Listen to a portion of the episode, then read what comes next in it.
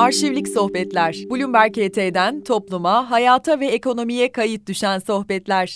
Ben 1967 senesinde Eylül ayında doğdum. Kadıköy tarafında, Moda'ya yakın. Ee, benim e, annem öğretmen ve müdürdü. Aramyan Unciyan okulunda, Moda'ya yakın yine. Babam da ben doğduğumda öğretim üyesiydi, hukuk fakültesinde. Ee, bu e, uzun süre bu şekilde devam etti. Ee, babam sonra e, bir süre sonra avukatlığa da başladı. Bir taraftan avukatlık, bir taraftan öğretim üyeliği. Ee, ve Kadıköy'de yaşadık. Benim çocukluğumun büyük bölümü Kadıköy'de geçti. Aramyan Uncihan Okulu'na gittim bunun büyük bir bölümünde. Apartman dairesinde büyüdüm. O yüzden e, sokaklarda çok koşturmak çok da o kadar şey değildi herhalde. Annemler de biraz korkuyorlardı. Arabalar şey tam oraları şey kavşak. O kadar dışarıya bırakmazlardı beni normal. Ama e, yazları Kınalı Adaya, ondan sonra da Büyük Adaya giderdik. Orası tamamen bir özgürlük şeyi olurdu. Yani bir şekilde tabii araba yok orada. E, biraz daha güvenli hissediyorlar kendilerini. 10 yaşında, 11 yaşında kesinlikle Kadıköy'de ya da daha sonra Kurtuluş'ta kendi başıma sokağa çıkıp bir şey yapmazken Büyükada'da, Büyükada'da tamam iste nereye gidersen git bisiklete atlayıp. O tabii ki çok önemli bir şey oldu. Orada tamamen bambaşka bir sosyal çevre. Ee, Büyükada e, çok özel bir yerdi. O zamanlar o kadar da kalabalık değildi. Turistler daha tam yavaş yavaş farkına varmaya başlamışlardı Büyükada'nın. Son iki senede turist olmaya başlamıştı ama 1982-83 senelerinde daha boştu. O çok e, her zaman aklımda olan e, özlediğim bir tablo. Ama ondan sonra annem o zamanlar bayağı erken emeklilik vardı. Çok genç yaşta başladığı için öğretmenliğe, müdürlüğe emekli oldu. E, babam da yavaş yavaş öğretim üyelerinden avukatlığa geçmeye başladı. Ve bu zaman içinde işte ben de Galatasaray Lisesi'ne girdim. Şimdi babamın şey bürosu karşı tarafta, Şişli tarafında. Benim okul Galatasaray. İlk başta yatılı olarak başladım. E, annemin artık Kadıköy'le işi yok. Biz de taşındık. Bu sefer Kurtuluş'a taşındık. İşte bir süre Kurtuluş'ta kaldık. Sonra Şişli'ye taşındık. Sonra Zincirlikuyu'ya taşındık. Kurtuluş'ta birkaç yere taşındık falan. Ee, ama Kadıköy şeyi bölümü bitti hayatımın. Neden Galatasaray Lisesi? Ee, neden olmasın? Çünkü e, o zamanlar sınavlar vardı. Sınavlara girdim. Herhalde annemin en çok girmemi istediği yer Robert Kolej'ti. Ama e, olmadı. Ben şey e, sınavda uğraşmışım uğraşmışım ama sonra bitirememişim sınavı o zamanlar. Çünkü işte bilmiyorum nasıl böyle onun test şeyini vaktini şey yapmamışım. Ondan sonra İtalyan lisesi oldu, Fransız liselerinden birkaç tanesi oldu, Galatasaray lisesi oldu. O zaman şey yapılırdı. Devlet okulları, Anadolu okulları vardı. Onların birini seçmek gerekiyordu. Biz Galatasaray'ı seçmiş bizimkiler. Herhalde ben de konuştum falan. Ondan sonra e, olan okulların içinde konuştular benimle. Hangisini istersin? Galatasaray çok iyidir falan dediler. Ben de iyi tamam Galatasaray hiçbir şey bilmiyorum tabii ki. Onlar ne deyse beni yönlendirdiler. İyi de bir açıdan iyi oldu. Ee, bir açıdan çok iyi olmadı. Yani ben gittiğimde Galatasaray Lisesi herhalde en kötü zamanını geçiriyordu. Ee, darbe oldu 1988-80 senesinde. Ben 78'de başladım ve darbenin en çok etkilendiği liselerden bir tanesiydi o zaman. Politik e, şeyler oldu. Öğrencileri kontrol için daha da baskıcı bir hale geldi. Öğretmenler çok zayıftı benim gittiğim zaman da. Biyoloji hiç öğrenmedim. Fizik şimdi görüyorum benim oğlum ilkokulda bizim Galatasaray'da öğrendiğimizden daha fazla fizik öğreniyor. Deney yapıyorlar. Biz bir tane deney yapmadık. Bilgisayar bir tane görmedim. Herhalde bundan daha kötü eğitim alan bir kurum o zamanlar için zor derim. Ama e, birkaç tane çok süper öğretmen vardı. Bir tane Türkçe öğretmenimiz vardı, o çok iyiydi. Bir tane matematik öğretmenimiz vardı. İnsan olarak çok o kadar iyi değildi. Herkesle kavga ederdi ama bana çok büyük katkısı olmuştur. Ama bizim e, sınıf içinde çok iyi dinamikler oldu. Bir sürü arkadaş biz birbirimize öğrettik. E, biz kendi halimizde geliştik. Yani ben o açıdan Galatasaray Lisesi'nden yani onun bana büyük katkısı bulunduğunu söyleyebilirim ama aynı zamanda gerçekten korkunç bir zamanlardan geçiyordu ve çok şanslı aslında lise ve ondan sonraki. Biz çıktıktan sonra yeni bir müdür geldi. Tabii ki müdürün çok önemi var burada. Polis diye gönderilen müdürle ben öğrencilere yardım edeceğim diye gelen müdür e, çok büyük fark ediyor. O müdürün altında bizden bir sene sonra yavaş yavaş iyileşmeye başladı. Sonra biz mezun olduktan 10 sene sonra falan eski iyi yıllarına döndü Galatasaray. 15 e, yaşından başlayarak e, politik şeylere çok ilgi duydum. E, bunun tabii ki bir ailenin etkisi var. Benim babam zamanında politikayla çok ilgiliydi. Hukuk fakültesinde e, evde kitaplar dolu. E, ben şeyde 12 Mart'ta kitap yakıldığını hatırlıyorum evde. 1980 ee, darbesinde büyük korkular yaşandığını yani politik şeyleri ve kitapları zaten çok ilgi duyuyordum. 15 ee, yaşından başlayarak ben e, işte politika, Türkiye'nin durumu, dünyanın durumu, demokrasi, az gelişmişlik bunlara çok ilgi duymaya başladım. Bu konularda okumaya başladım. Tabii şimdi sorarsanız okuduklarını anladım mı diye. O zaman anladığımı düşünüyordum. Şimdi kesinlikle eminim anlamamışım ama e, o yüzden iktisat okumaya karar verdim. İşte Galatasaray Lisesi'nde politikayla ilgilenen insanlar vardı ama tabii ki çok büyük bir baskı dönemiydi o zaman. Müdürler ya da müdür yardımcıları politika konusunu konuştuğunuzu duyarlarsa başınız belaya girerdi. Ve e, ama ben bunlara çok ilgi duymaya başladığım için dedim ben iktisat okuyacağım. Ama iktisadın ne olduğunu bilmiyorum. Ben sanıyorum ki iktisat işte bu demokrasi, uzun dönemli gelişmeler, siyasi sistem falan bunların hepsinin bir parçası. Ben babama dedim işte ben siyaset ben bunları anlamak istiyorum. Bunları okuyacağım. Sen dedi sen zaten başını belaya sok sokmak üzereydin kaç kere. Sen iyice başını belaya sokacaksın. Sen Türkiye Üniversitesi'ye gidemezsin dedi. Karakola düşmedim ama ona yaklaştım işin. Ee, e, tabii ki çünkü o üniversiteden ayrıldığı zaman şey, e, bu tam sol sağ çatışmasının en ortasındaydı. Ee, onun korkusu vardı. Tabii ki 1984-85'te durum değişik yani sağ sol çatışması yoktu o zaman ama başka riskler var diye düşünüyordu. İyi dedim o zaman ben yurt dışına gideyim. Nasıl gideceğim? Hiçbir haberimiz yok. Hiçbir şey bilmiyorum. Yani babam da bu konularda iyi bilir ama onun da yurt dışı şeyi yok yani. O 1930'ların doğumu, yabancı dili yok. Yurt dışında hiç okumamış, yurt dışında yani çok bilgili olmasına rağmen bir şey yok. Ama bir arkadaşı vardı. İşte University of York'ta e, bir sene geçirmiş. Çok da iyi bir hanımdı. E, o dedi University of York çok iyidir dedi. Oraya başvur dedi. Ben de işte oraya başvurdum. Cambridge, Oxford'a başvurdum. Amerika'ya baktım böyle. Korkunç, çok enteresan şeyler var ama çok uzak geldi. Başvurmadım Amerika'ya. Bir de başvurması çok zor da geldi. tamam dedim ben İngiltere'de birkaç yere başvuracağım. Ondan sonra Oxford, Cambridge zaten çok zor. Ee, Galatasaray'dan hiçbir şeyi yok. İngilizcem de yok benim ayrıca. Ben bunlara başvuruyorum ama İngilizce. Galatasaray'da bir salaklık e, Almanca almışım ikinci dil olarak. İngilizce öğrenmeye çalışıyorum bir taraftan. İşte e, her neyse çok şanslı bir şekilde herhalde o hanımın da referansı falan vardı. o şekilde University of York'a kabul edildim. Benim annem hastaydı. şey tekerlekli sandalyeden çekilip kalkamıyordu. Annemin babamın gelmesi mümkün değil. İşte ben tek başıma York'a gittim. Çok da zor oldu aslında ama çok da enteresan oldu. Hiç İngilizcesiz. İngilizce kendimi anlatmaya çalışıyorum. Oradakilerin tabii ki hepsi 18-19 yaşında e, ana dili. İşte bir biraz zorluklar falan oldu ama alışmaya başladım. Bir de baktım benim düşündüğümle halak hiç alakası yok iktisadın. Yani o sosyal şeyler biraz e, siyaset bilimleri dersleri falan aldım ama asıl iktisat bundan çok daha değişik, çok daha formal bir şekilde işte tarz, arz, talep onları öğretiyorlar birinci sınıfta. Ama baktım bu, ben zaten matematiği çok seviyordum. Matematiksel bir şey. Benim o anki 20 yaşındaki kafama, 19 yaşındaki kafama bayağı uydu. Dedim ben buna devam edeceğim. Siyasi bilimlerde yanda çalışırım ben. Tarih, mari. Tabii onlar bir süre yanda kaldı.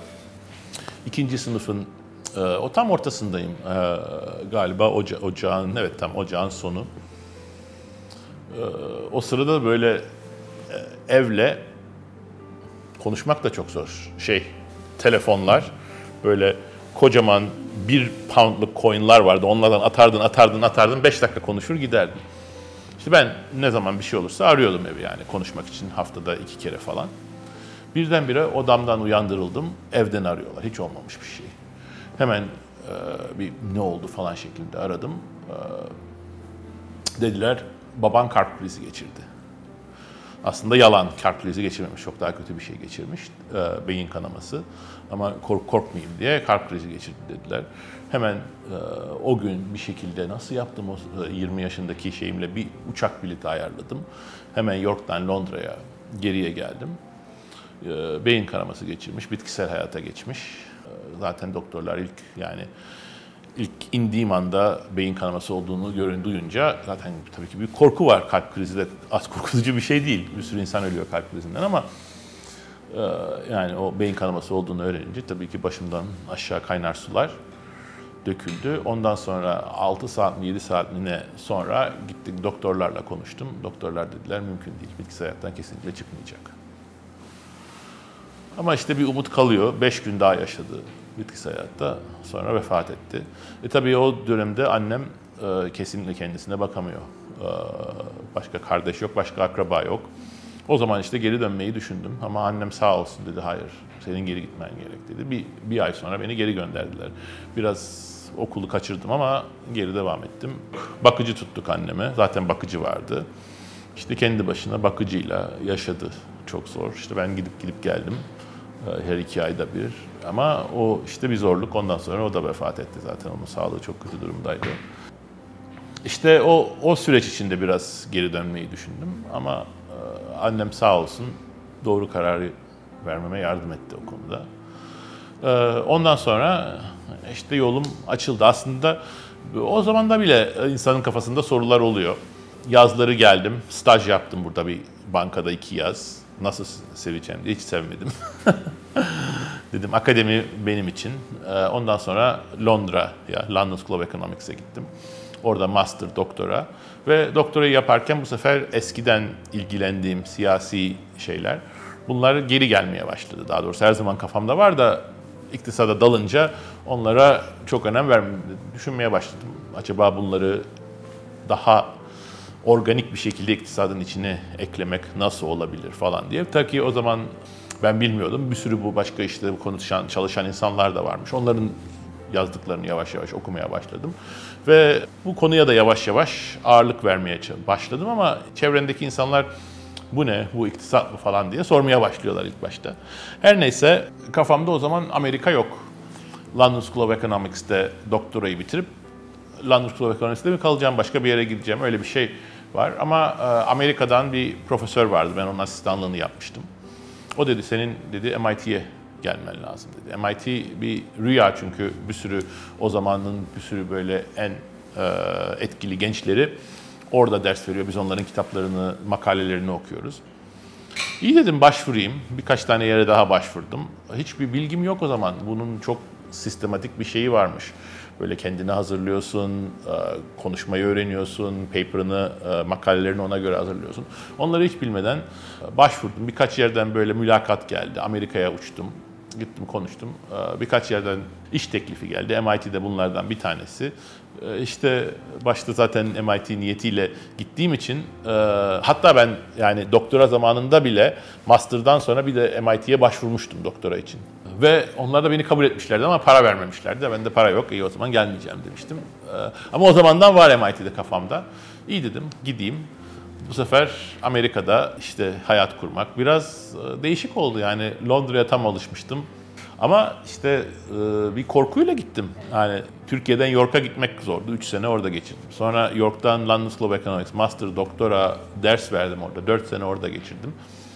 Artık tabii çok gencim aslında 25 yaşındayım ama kendi kafamda artık ben yoruldum biraz burada kalayım biraz burada şimdi sosyal çevrem var tanıdığım insanlar var falan yani korkarak gittim e, MIT'ye bir açıdan çok iyi yapmışım tabii e, ama bir açıdan da e, bilmiyorum yani Avrupa'da yaşamak da çok güzeldi. MIT'de 1993 senesinde başladım. Ondan sonra da ayrılmadım. Böyle MIT'nin böyle hayat boyu MIT'ye kendini adamış insanlar vardır. Onlara döndüm. Ee, bundan 3 sene önce bana bir tane plaka verdiler. Yarım yüzyıl MIT'de kaldı şeklinde. Bundan sonraki bir de 50 yıl var. Onu aldığımda 75 yaşımda olacağım. Bakalım. Eşimle de MIT'de tanıştık. Elektri elektronik ve bilgisayar mühendisliği bölümünde e, doktora yaparken doktorasının son senesi o da işlere başvuruyordu. O zaman tanıştık. Ee, ondan sonra işte konuşmaya başladık, tanışmaya başladık. O da e, Stanford'dan, Princeton'dan, MIT'den iş teklifleri al, al, almıştı ya da almak yani biraz e, sonra almaya e, almıştı. İşte onu ikna ettim ki o da MIT'de kalsın. Bu da, o da hayat boyu MIT'ci oldu. O benden bile fazla çünkü doktorasını, master'ını da MIT'de yapmış durumda. Benden biraz sonra gelmiş. Ama yani ilk geldiğinde tanımıyordum tabii.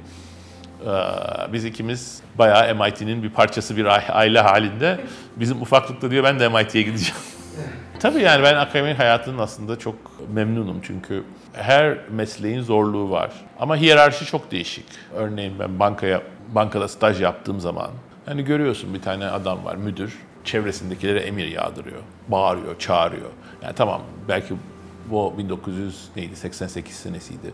Belki 2028 senesinde ya da 38 senesinde öyle olmayacak. Şu anda belki biraz daha ama yani o hiyerarşi var. O hiyerarşinin içinde yanlış yerlere düşmek var. İstemediğin şeyler konusunda çok vakit harcamak, sevmeme olasılığı var insanların. Sevmesi, işlerine girdiler mi, sevmediler mi oradan değişim yapmak çok zor. Görüyorum bir sürü insanda, çevremden. Yani akademide çok büyük bir özgürlük, bağımsızlık var. Düşünmeyi, konuşmayı, yazmayı seven insanlar için o bence iyi bir şey. E, o özgürlük benim için çok önemli idi. Önemli olmaya devam etti. Hala da öyle. E, ben editörlük de yaptım. Yüzlerce makale geliyor.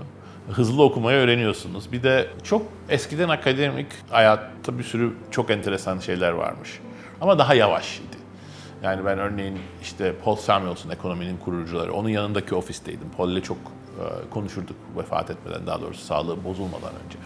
Ya onun zamanlarında yani böyle paperları mektupla yazıyorlarmış. Şimdi e, internetle bunlar çok değişti. Şey şey hızlı. Bir makale geliyor, arkasından bir makale daha geliyor, arkasından bir makale daha geliyor. Arkasından eski öğrenciler makalelerini gönderiyorlar. Başkasından e, kolegler makalelerini gönderiyorlar. Meslektaşlar diyorlar bu seninkine bağlı, e, ben buna bir bakabilir misin? Hemen yanıt vermezsen bu sefer daha dönüyor. Ben de e, o yüzden hızlı bir şekilde her şeyden diyorum ki o dağın altında ezilmeyeyim şeklinde.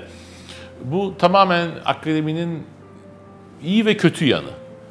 Yani şu anda bilginin biz esiri olmuş halindeyiz. Bir şekilde bilgi o kadar çok var ve eskiden işte meydanları okuyup da şu tarihi bulayım falan gibi şeyler yok artık. Her şeyi biz parmağımızın ucunda. Ama aynı zamanda o bilgi omuzlarımızda da bir yük.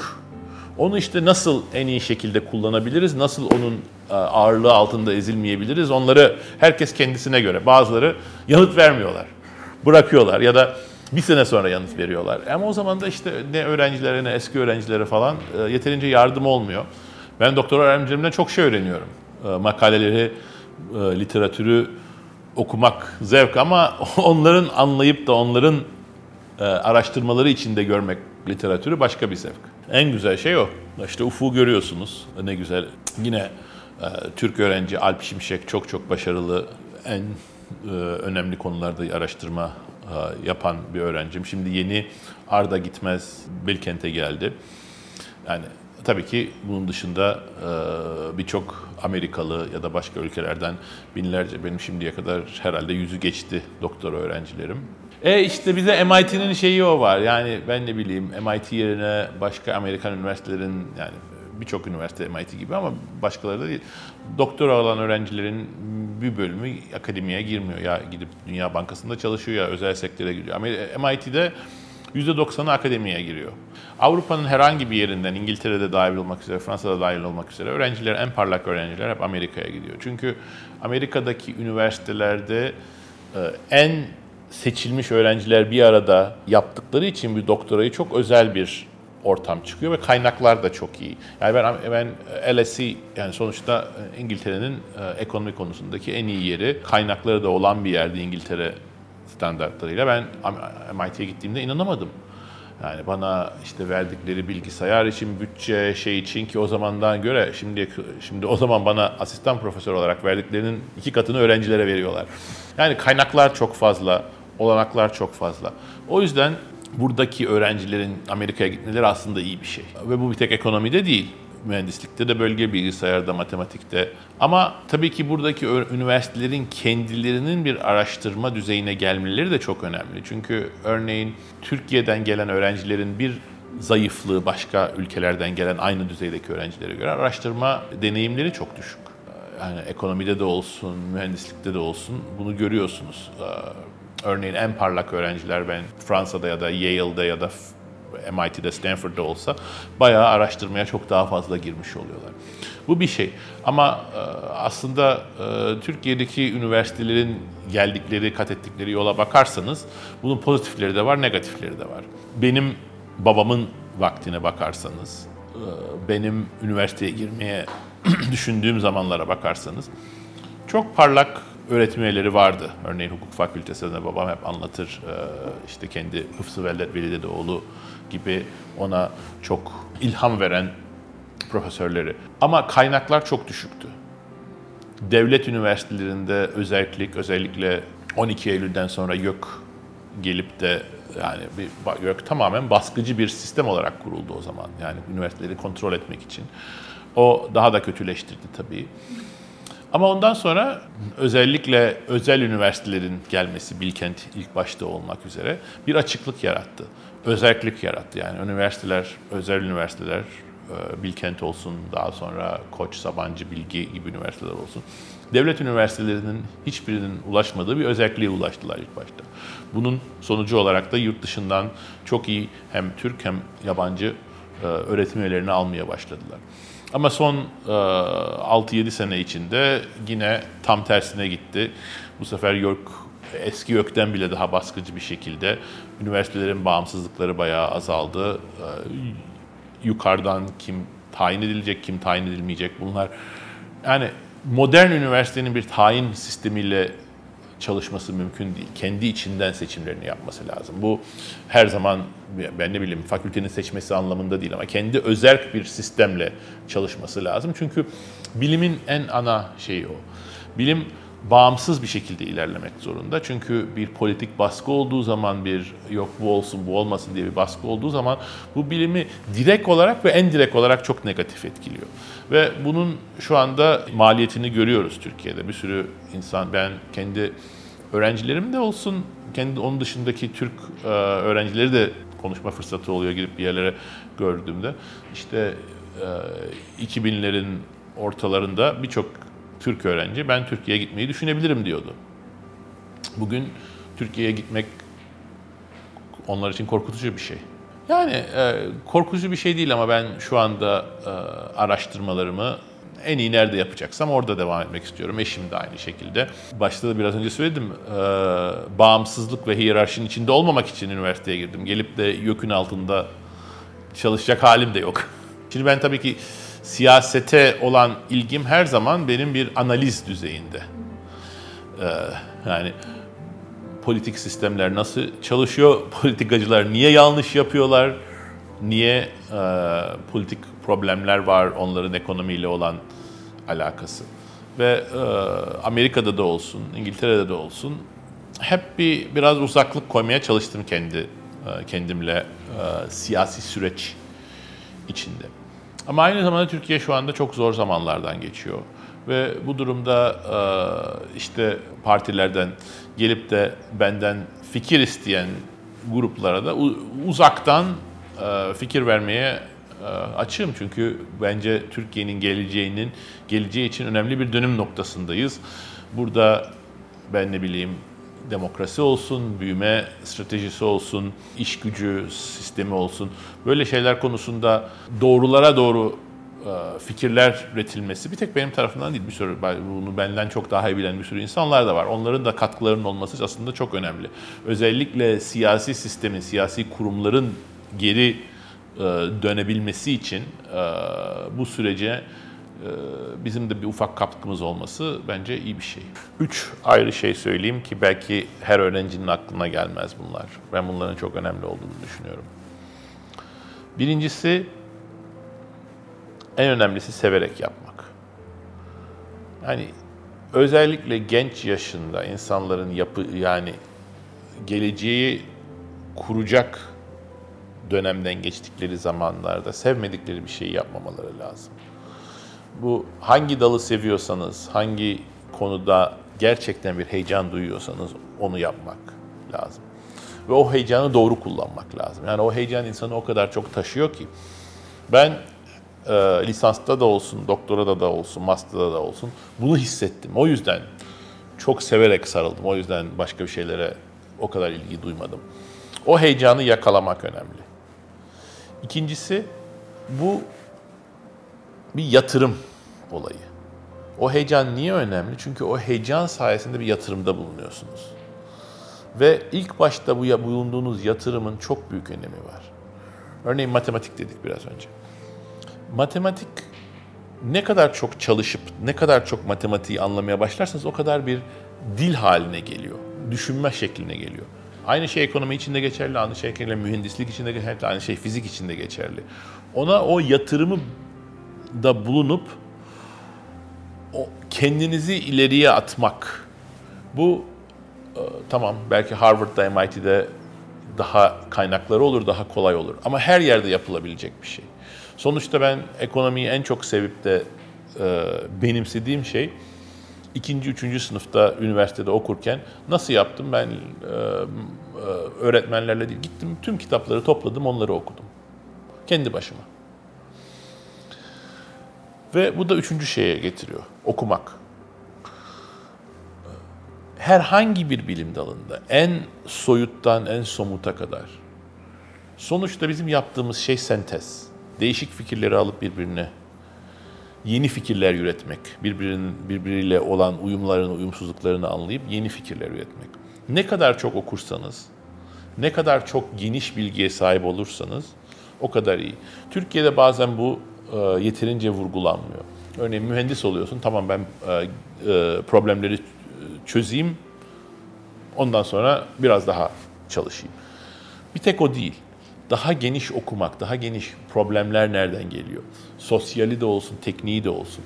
Ekonomi için çok önemli. Örneğin birçok öğrenci ekonomi konusunda uzmanlaşmak istiyor ama bir tarih okumuyor, bir sosyoloji okumuyor, bir politikayı okumuyor. Bunu da okumak lazım. Çünkü buradan gelen fikirleri bir araya koyup onu ilham kaynağı haline getirmek lazım. Bu üç madde bence e, birçok öğrencinin, bir tek Türkiye'de değil birçok öğrencinin tam e, içlerine sindirmediği şeyler. Bu heyecan, e, yatırımda bulunmak ve daha geniş okumak ve bunun benim öğrencilere verebileceğim en değerli şeyin yön gösterme şeyinin bunu olduğunu düşünüyorum.